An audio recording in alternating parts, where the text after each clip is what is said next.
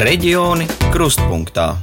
Šobrīd Latvijā no aptuveni 54 tūkstošiem nodarbinātības valsts aģentūrā reģistrētiem bezdarbniekiem vairāk nekā 8 tūkstoši ir personas ar invaliditāti. Iemesli, kāpēc nav izdevies iekārtoties darbā, protams, dažādi, taču, kā atzīst paši cilvēki ar funkcionāliem traucējumiem, dažkārt viens no tiem ir vidas pieejamības problēmas.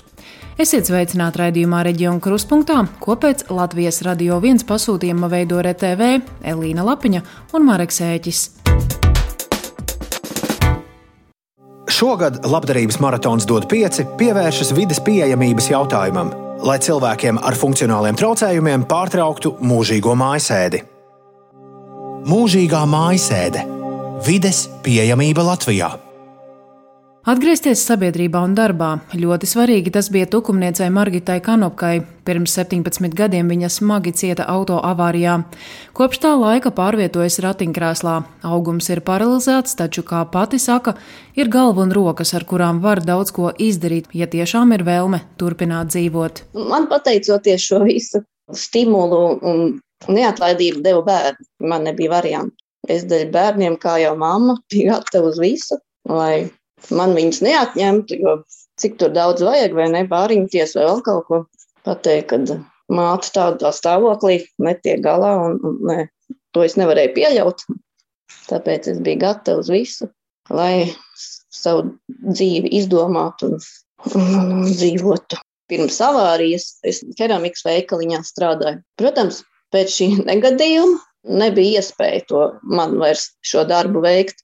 Tādēļ bija jāsāk domāt, kā man uzturēt savus bērnus, man divi bērni. Bija jādomā, ko var darīt sēžus. Gadu pēc avārijas Margita apgūta grāmatvedību. Darbu šajā jomā gan nedabūja. Tad darbā par lietvedi pieņēma sociālais dienests, kas bija subsidētā darba vieta. Bija arī jādomā, kā pārvietoties. Man tajā brīdī nebija autovadītāja apliecība, un tad man bija arī svarīgi iegūt šīs tiesības, lai es varētu pārvietoties jo tukumā nav pielāgots neviens autobus. Un līdz pilsētai dzīvoja apmēram 3,5 km. Tas arī bija man ļoti svarīgi. Ir tā bijis, ka es braucu uz sociālo dienestu darbu laukā līdz lietus. Es zinu, ka man ir autobus septiņos no rīta, un tur pienāk autobus ar trījiem, četriem pakāpieniem. Un es saprotu, ka iekšā es netikšu, un man ar neviens nevar iecelt. Nu, tad man bija jābrauc ar ratiem. Ļoti bieži brauc ar ratiem no paša rīta, neskatoties uz laikapstākļiem. Pirms septiņiem gadiem Margita Kanopka dibināja biedrību līdzvērtība, kas apvieno cilvēkus ar invaliditāti. Kā tās vadītājai tagad noder pēc avārijas iegūtās grāmatvedības zināšanas. Gan pašai saskaroties ar dažādiem šķēršļiem un grūtībām, lai iekļautos pārējā sabiedrībā, gan redzot, kā klājas citiem ar invaliditāti, Margita Kanopka atzīst, tā ir problēma atrast darbu. Un viens no sākotnējiem šķēršļiem jau ir vides pieejamība. Varbūt jāsāk pat ar to pašu mm, dzīves vietu.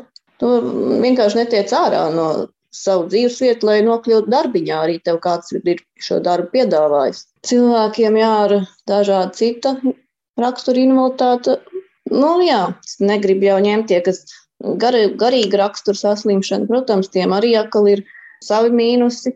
Darba devējām arī ir nu, grūti saprast, cik daudz šis cilvēks noteikti spēja izdarīt un, un cik daudz viņš saprot, cik daudz šim cilvēkam varbūt jāsēž ikdienā blakām, lai paskaidrotu vēlreiz un vēlreiz to pašu. Nedzirdīgiem cilvēkiem, man liekas, vispār ir visgrūtāk. Jā, jo man māsa ir nedzirdīga, un, un viņai ir jau cik gadu, un viņa joprojām nav nereizi bijusi darba attiecībās. Nu, sarežģīti, jā, noteikti tāds cilvēks ņem darbiņā, jo tad blakus ir vajadzīgs Visu laiku ir kāds cilvēks, kas māca ar viņu sarunāties, tulkot.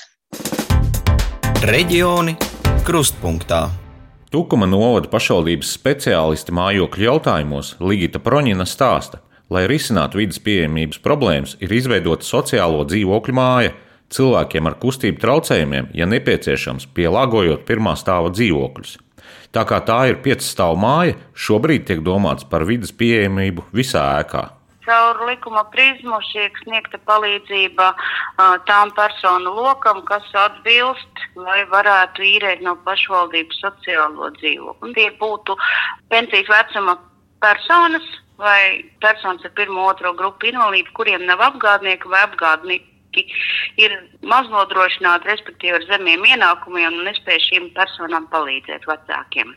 Kopiņa tipa tā ir māja, kur ir garš koridors un, un, un katrā, kā saka, ir dzīvoklīši, viens tabas dzīvoklīši, tie būtu tie sociālie dzīvoklīši. Konkrēti šī mājā ir uztaisīts pandus, tas ir pielāgotība, lai cilvēks varētu izkļūt no dzīvokļa un, un izbraukt, nokļūt ārā, lai varētu doties vai no darba vai iepirkties, nu, kāda kuram tā vajadzība būtu. Šobrīd gan vēl pašvaldība tieši par šo māju runājot, ir izstrādājusi tehnisko projektu lifta uzstādīšanai. Pagaidām skatāmies ļoti optimistiski, cerēsim, ka kaut kad īstenosies. Nu, tas būs atvieglojums visiem, jo māja ir piecstāv māja, līdz ar to vides pieejamība būs nodrošināta.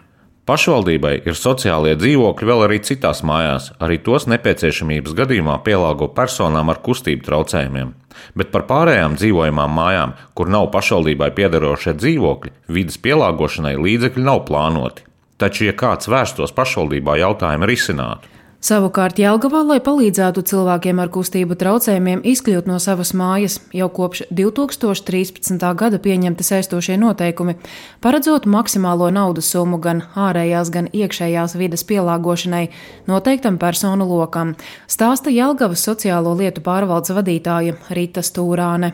Tie ir pacēlāju, tā skaitā stacionāru pacēlāju izbūve Tie ir tehniskie palīgi līdzekļi, kas novērš un kompensē tos funkcionālos uh, traucējumus un nav iekļauti valsts tehnisko palīgu līdzekļu sarakstā. Un uh, zinot, ka visiem šiem līdzekļiem ir jābūt drošiem, tātad tiek paredzēta saistošajos noteikumos arī uh, palīdzība šo tehnisko palīgu līdzekļu remontam un igadējai tehniskajai apkopēji. Pirmām kārtām tātad tiek iesaistīta speciālistu komanda. Tad pirmais ir būvvalde, kas novērtē, vai vispār šie pielāgošanas pasākumi ir iespējami. Ja?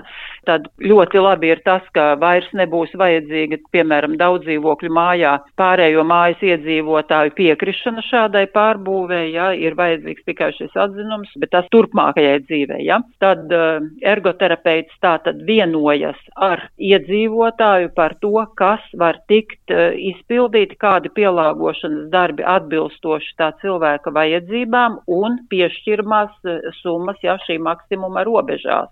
Zinām, ka ir, piemēram, ministru kabineta noteikumi, kas nosaka, ka vidas pielāgošanai var cilvēks ņemt kredītu un valsts tāds kredīt procentus, bet no nu, ar to kredītu ņemšanu mūsu klientiem ir, ir lielas problēmas un tāpēc pašvaldība vienkārši piešķir pabalstu šīs te vidas pielāgošanai.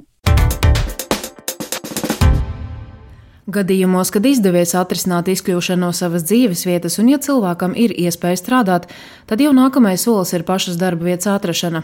Labklājības ministrijas darba tirgus politikas departamenta direktors Imants Lipskis stāsta, Pēdējos gados cilvēku ar dažāda veida invaliditāti nodarbinātība ir augusi.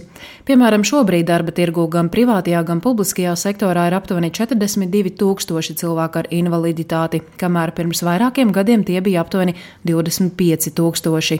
Strādā cilvēki ar ļoti dažādām invaliditātēm. Gan ar kustību traucējumiem, gan ar redzes invaliditāti, gan ar dzirdes invaliditāti, gan ar garīga rakstura traucējumiem, gan arī uh, ar tā saucamajām vispārējām saslimšanām, ko varbūt ārēji neredz šo invaliditāti. Vismazāk cilvēku ir nodarbināti no šīs grupas, kas, kur ir garīgi rakstura traucējumi, un savukārt ir grupa, kas eh, ir ar kustību traucējumiem, kur ļoti svarīgi, ka šī darba vide un darba vieta ir pielāgota, lai šie cilvēki varētu ar saviem šiem kustību traucējumiem tur būt un atrasties kolektīvā. Un tieši tāpēc eh, Mēs aicinām un arī veidojam gan substitūto darbvietu programmu, ietvaros darbvietu pielāgojumus, lai īpaši cilvēkus, tos, kas ir bez darba, ņemtu darbā un jau nāktu līdzi šie darbvietu pielāgojumi apmaksāti. Un nākamajā gadā mēs plānojam startēt jaunu programmu, kas būs atbalsts jau strādājošiem cilvēkiem ar invaliditāti,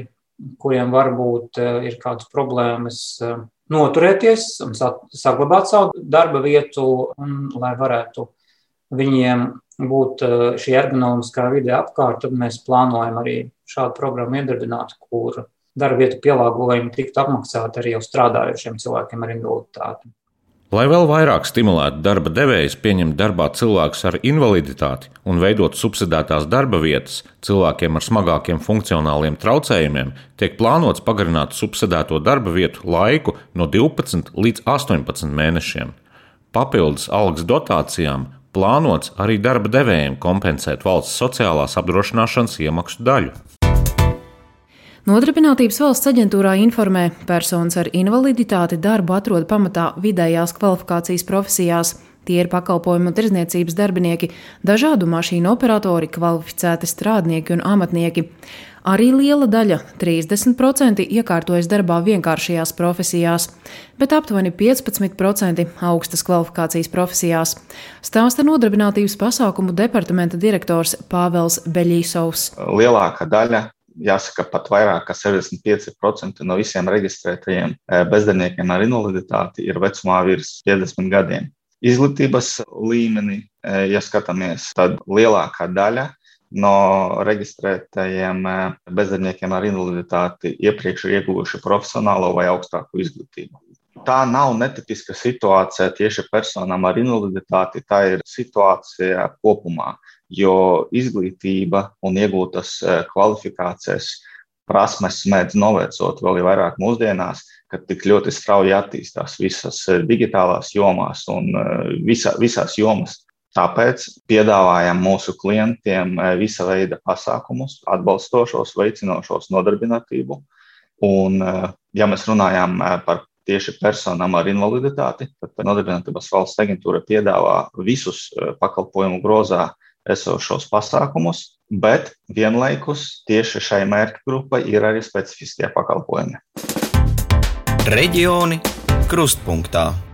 Dobeles novada persona ar invaliditāti un atbalstītāju biedrības laimiņa valdes priekšsēdētājas vietniece Kristīne Briede uzskata, spriežot par dažādiem uzlabojumiem un atbalsta mehānismiem, valsts un pašvaldību iestādēm sarunu procesā vajadzētu vairāk iesaistīt tieši tos, kurus pieņemtie lēmumi un noteikumi skars. Man pašai arī ir bērns ar invaliditāti, ar kustību traucējumiem, un es šo dzīvi redzu no abām pusēm. Gan kā pakalpojums sniedzējs, gan kā biedrības, kā saka, biedrs, gan ģimenes, kuras es satieku, gan manā dzīvē ir šī visa lieta iekšā.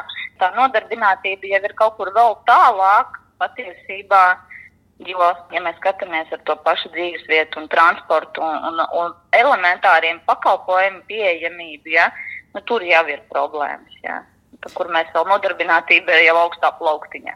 Tad, kad um, tiek veidot šīs, piemēram, darba grupas, nu, ir, ir teiksim, kaut kādas lietas, kurās tiek veidotas darba grupas. Šeit tur netiek pārstāvētas saka, visas kategorijas, visu vecumu pārstāvi, ka, ka, ka šī diskusija būtu visaptveroša. Ja? Un, uh, tāpēc ir tā, ka daudz kas arī uz papīra, viņš dzīvē nestrādā, un tas jau nav tikai saistībā ar šo jomu, bet vispār. Ja? Un es uzskatu, ka būtu vairāk jābūt balstītai visai tai ministriju darbībai, ierēģņu darbībai, konsultējoties ar mērķa grupu pārstāvjiem, bet arī nevis ar vienu lielu, lielu organizāciju vai divām, bet lai būtu pārstāvniecība no dažādām vecuma grupām, no dažādām diagnožu uh, grupām, nu tā varētu pateikt. Lai tas nav tā, ka mums nāk priekšā jauni noteikumi, un tu ļoti labi redzi, kas ir piedalījies šo noteikumu izstrādes darba grupā. Ja? jo ir izceltas konkrētas kategorijas. Lai arī no savas puses vēl vairāk iesaistītos cilvēku ar invaliditāti nodarbinātībā, pērnā gada nogalē biedrības laimiņa pārstāvi izveidoja sociālo uzņēmumu Sijā Dare Audeāmus, dodot iespēju gan cilvēkiem ar garīgu raksturu traucējumiem apgūt dažādas prasmes specializētās darbnīcās, gan jau kā darbiniekus, nodarbinot personas arī ar citu veidu invaliditāti. Mūžīgā mājasēde Vides pieejamība Latvijā. Uzklausot dažādās iesaistītās puses, jāatzīst, izgaismojās tik tiešām daudz un dažādas nianses. Tāpēc, iesaistoties visām pusēm, var nonākt pie arvien labākiem risinājumiem. Bet jau nākamajā reģiona krustpunktā raidījumā kolēģi no Kurzemes interesēsies par kritušo karavīru meklēšanas vienības leģenda gaitām.